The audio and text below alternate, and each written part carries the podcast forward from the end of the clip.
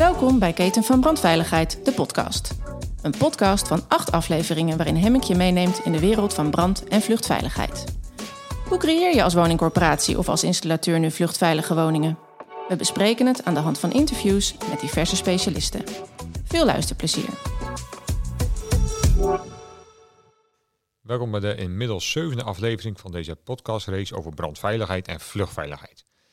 Nou, zoals eerder verteld, brandveiligheid is een groot en complex probleem, bestaat uit veel verschillende elementen. Maar op tijd kunnen vluchten is, eh, is een belangrijk onderdeel hiervan.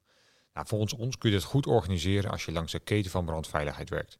Tijdens de vorige aflevering hebben we het gehad over het installeren en hoe wij denken dat, deze, dat, dat dit kan bijdragen een vluchtveilige woning te creëren. Ja, en, en dan hangen alle melders netjes op hun plek. Dan zou je denken dat alles koekenij is, maar dat gaat niet helemaal op. Zoals eerder ook al verteld, zijn er verschillende componenten dat brand- eh, en vluchtveiligheid beïnvloedt. En gedrag van bewoners is daar een belangrijk onderdeel van. Nou, in deze aflevering gaan we met Tessa, inmiddels een eh, oude bekende, uh, hebben over informatie en over informatievoorziening en gedragsbeïnvloeding van de bewoners zelf. Leuk dat je weer bent aangeschoven, Tessa. Ja, gezellig. Dacht ik, dacht ik. Ja, vertel eens, waarom is informatievoorziening en eigenlijk beïnvloeden daarmee ook van het gedrag van bewoners zo belangrijk? Um, nou ja, de bewoner die, uh, die woont in, uh, in, in het huis natuurlijk. En um, sowieso is het goed voor een bewoner om te weten wat de, brand, wat, wat veel voorkomende brandoorzaken zijn, zodat er daar al rekening mee gehouden kan worden. Dus eigenlijk het voorkomen is natuurlijk al belangrijk. Ja, want even vooraf, hè, brandveiligheidsbewustzijn, lang woord, maar voor mij is dat niet heel, heel hoog in het algemeen. Hè? Nee, dat heb ik ook helemaal niet, het idee. Uh, um, als je kijkt naar uh, um, mensen die rookmelders bijvoorbeeld thuis hebben gestuurd gekregen, dat hoor ik van corporaties, de huurders. Nou, 9 van de 10 keer zijn ze dan uiteindelijk niet opgehangen bijvoorbeeld. Dus um, nou ja, dat, dat laat al zien dat het niet heel erg hoog aan de prioriteitenlijst... ja, en het is ook zo, het gebeurt bij mij toch niet. Nee, precies. Maar als nee. je naar de cijfers kijkt, meer dan uh, 60.000 uh, uh, ja, claims per jaar. En dat, be dat, betekent dat er nog veel meer branden zelf zijn. nou, het zijn behoorlijk wat branden per jaar, woningbranden. Ja, dus. zeker. Ja, en dan, dan hoop je natuurlijk dat je het kan voorkomen. Maar als het zo is, dan wil je natuurlijk zo snel mogelijk of de brand kunnen stoppen. Maar en, en vluchten natuurlijk nog veel belangrijker. Ja, ja.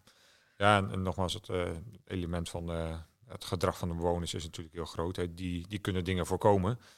Um, maar goed, en, om te kunnen vluchten heb je gewoon goede detectie nodig. Wat, wat zijn de meest voorkomende brandoorzaken eigenlijk dan? Nou ja, uh, de droger staat volgens mij echt op, uh, op nummer één.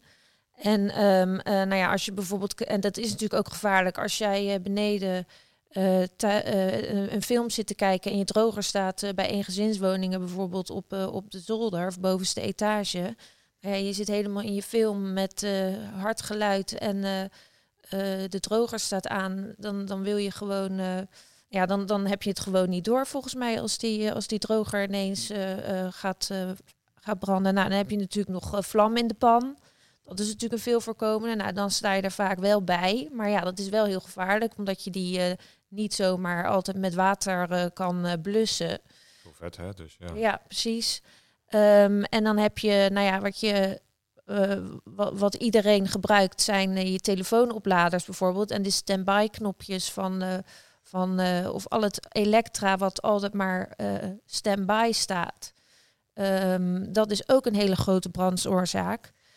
Dus um, ja, denk bijvoorbeeld ook aan een telefoon uh, die aan, aan de oplader onder je kussen ligt, zeg maar. Er wordt heet. Nou, dat, uh, dat, dat gaat ook niet altijd goed. Nee, nee, dat wordt echt heet inderdaad. En ook uh, als je je telefoonoplader dan gedurende de dag in laat zitten in stopcontact en je gaat naar je werk.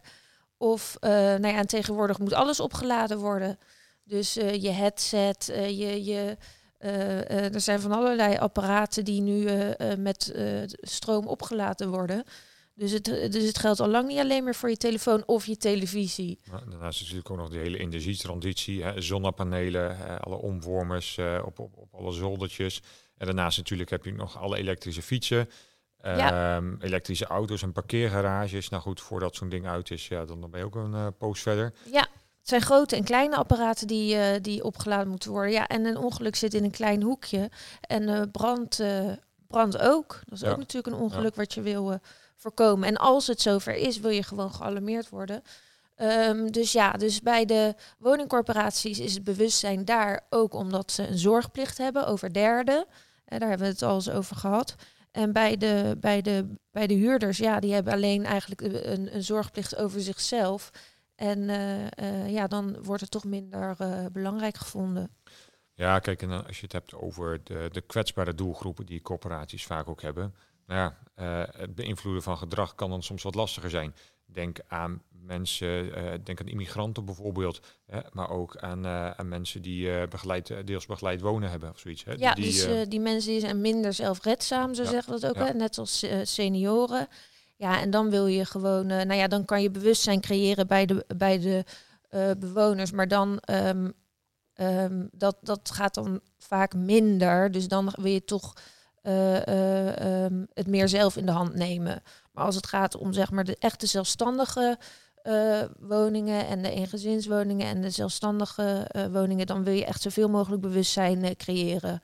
Ja, Maar denk ook aan bijvoorbeeld taal, hè, Arabisch, Pools, et cetera, et cetera. Als je dan alleen werkt met, eh, met Nederlandse flarretjes, om het zo maar te zeggen. Ja. Daar, dat volstaat dan vaak ook niet. nee, daarom dus het is ook belangrijk om eh, de communicatieafdeling eh, van de woningcorporatie en de collega's van de afdeling communicatie, wat ik, wat ik al zeg, dat om die, ja, om daar samen mee, mee over na te denken.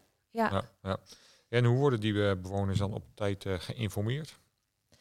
Ehm, nou ja, wat we dus zien eh, is dat het eh, goed is om eh, een nieuwsbrief, om daar aandacht aan te besteden. Dus een nieuwsbrief van de woningcorporatie op de website aandacht aan te besteden.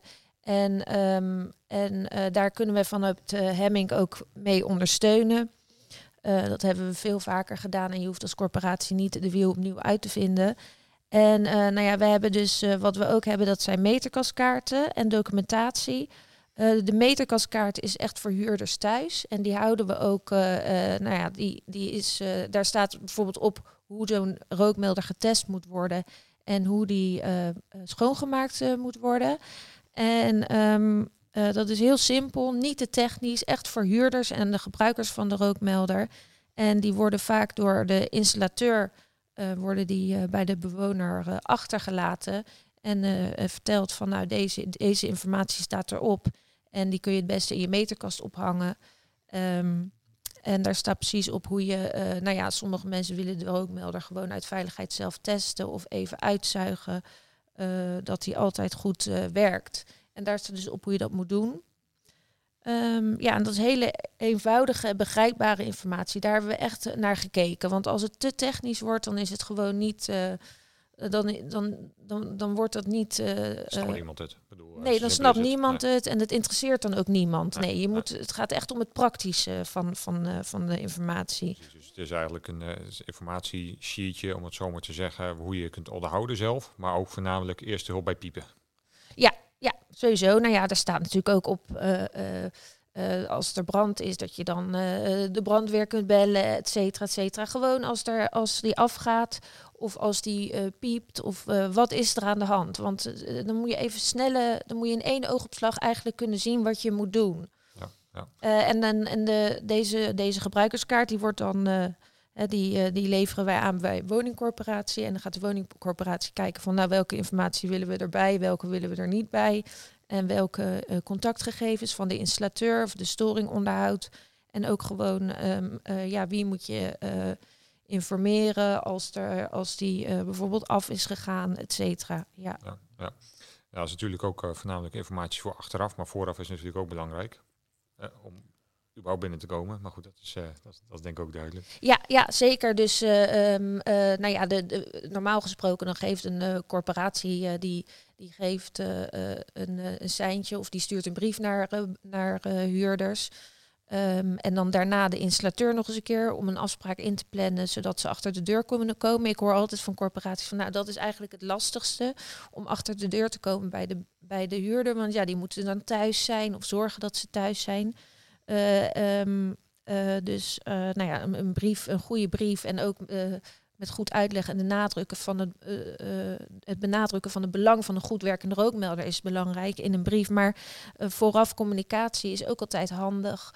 Eh, dus om, om, om voor, vooraf dat hele project, om ook communicatie te, te doen op de website eh, van uh, wat ik net al aangaf van, van de woningcorporatie, et cetera. Dus dat je die bewustwording creëert al voordat je gaat beginnen aan het project. Ja. Hey, en wat voor rol heeft de installateur ook hierin? In, in de communicatie richting bewoners? Want nou, die, die is daar ter plekke, die spreekt eigenlijk iedere bewoner. Ja, ja, de installateur heeft natuurlijk ook een grote rol hierin. En um, dat is ook fijn voor een woningcorporatie als de installateur hier uh, ook goed in meewerkt. Dus dat uh, terwijl de rookmelder geplaatst wordt, dat ze even goed nog uitleggen van, nou ja, dit is de rookmelder en zo, kun je, zo kun je de rookmelder testen. En um, zo kun je hem schoonmaken als je zou willen. En um, het is belangrijk dat hij hier hangt om, om deze en deze reden. Dus dat ze even wat korte uitleg geven, zodat het wat meer gaat leven.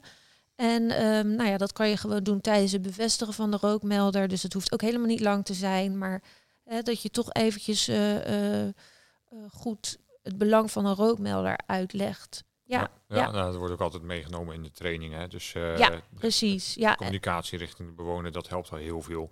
Omdat ja, het gedrag van de bewoner, dat, dat, ja, dat zorgt verklaart in ieder geval deels van de brandveilige vluchtveiligheid in, in woningen. Ja, ja, want je bent wel als uh, woningcorporatie dus verantwoordelijk. Maar ja, je, je weet nooit wat uh, de, de huurders doen. En daar, ja, dat, dat kan ook haast niet. Dus woningcorporaties zijn altijd heel erg blij als de installateur echt op een leuke en goede manier ja, communiceert en dingen duidelijk maakt. Ja. ja. Verder heb je nog een, een, een tip voor de, voor de luisteraars op dit gebied? Nou ja, um, ja, wat ik dus uh, net al aangaf, is eigenlijk ook gelijk de tip. Dus uh, begin al vooraf je met dit project gaat beginnen met de bewustwording bij huurders. Dus inderdaad, dus met een, een, een, nieuwsbrief, misschien met een landingspagina op je website. Dus woningcorporatie.nl um, slash rookmelders. Uh, en um, nou ja, wij kunnen, wij ondersteunen als Hemming daar heel graag in. Dus wij kunnen uh, afbeeldingen aanleveren, maar visuals ook, of stukjes tekst. Uh, en dan kun je er, kunnen we daar samen naar kijken. dus begin daar vooraf al mee. En ja, ik heb ook wel eens gehoord van, je kan met de gemeente misschien in, even in gesprek van, nou, we willen iets, een advertentie plaatsen in, in, in het lokale nieuwsblad of krant of zo. Maar begin daar vroeg mee, want dan kun je ook, uh, uh, daar heb je dus in een later stadium profijt van. Ja. ja. ja wat denk ik ook wel uh, meewerkt, is dat we redelijk wat telefoontjes van consumenten of particulieren of bewoners hebben gehad. Ja. Hebben redelijk goed in kaart wat de problemen zijn die ze tegenkomen. Ja. Nou, en dat kun je dus ook allemaal meenemen op, de, op alle informatiedocumenten. Ja, dat klopt helemaal wat je zegt. Ja, inderdaad. We hebben veel ervaring met vragen van, van, van ja, huurders. Dus we weten wat er een beetje speelt. Dus, uh, nou ja, dus uh, daar, daar helpen we graag bij. Ja. Nou, goed om ook te benadrukken dat de voorbeelden die vandaag zijn besproken zeker niet alle branden uh, voorkomen. Maar het zeker helpt bij het vluchten, helpen vluchten van mensen. Want materiaal is vervangen, mensen levens niet. Nou, de volgende podcast is alweer voorlopig de, voorlopig de laatste in deze reeks. Hier komt Richard ons meer vertellen over onderhoud en vervanging van de melders. Ja, we hebben het uh, over de zorgplicht, uh, voorkomen van, uh, van schijnveiligheid voornamelijk en, en ook efficiënt onderhoud. Ja, voor nu bedankt voor je bijdrage Tessa. Leuk je weer hier te hebben gehad. Ja, graag gedaan. Leuk. En daarnaast iedereen ook bedankt voor het luisteren. Graag tot de volgende keer. En ja, vergeet je niet in te schrijven of te abonneren.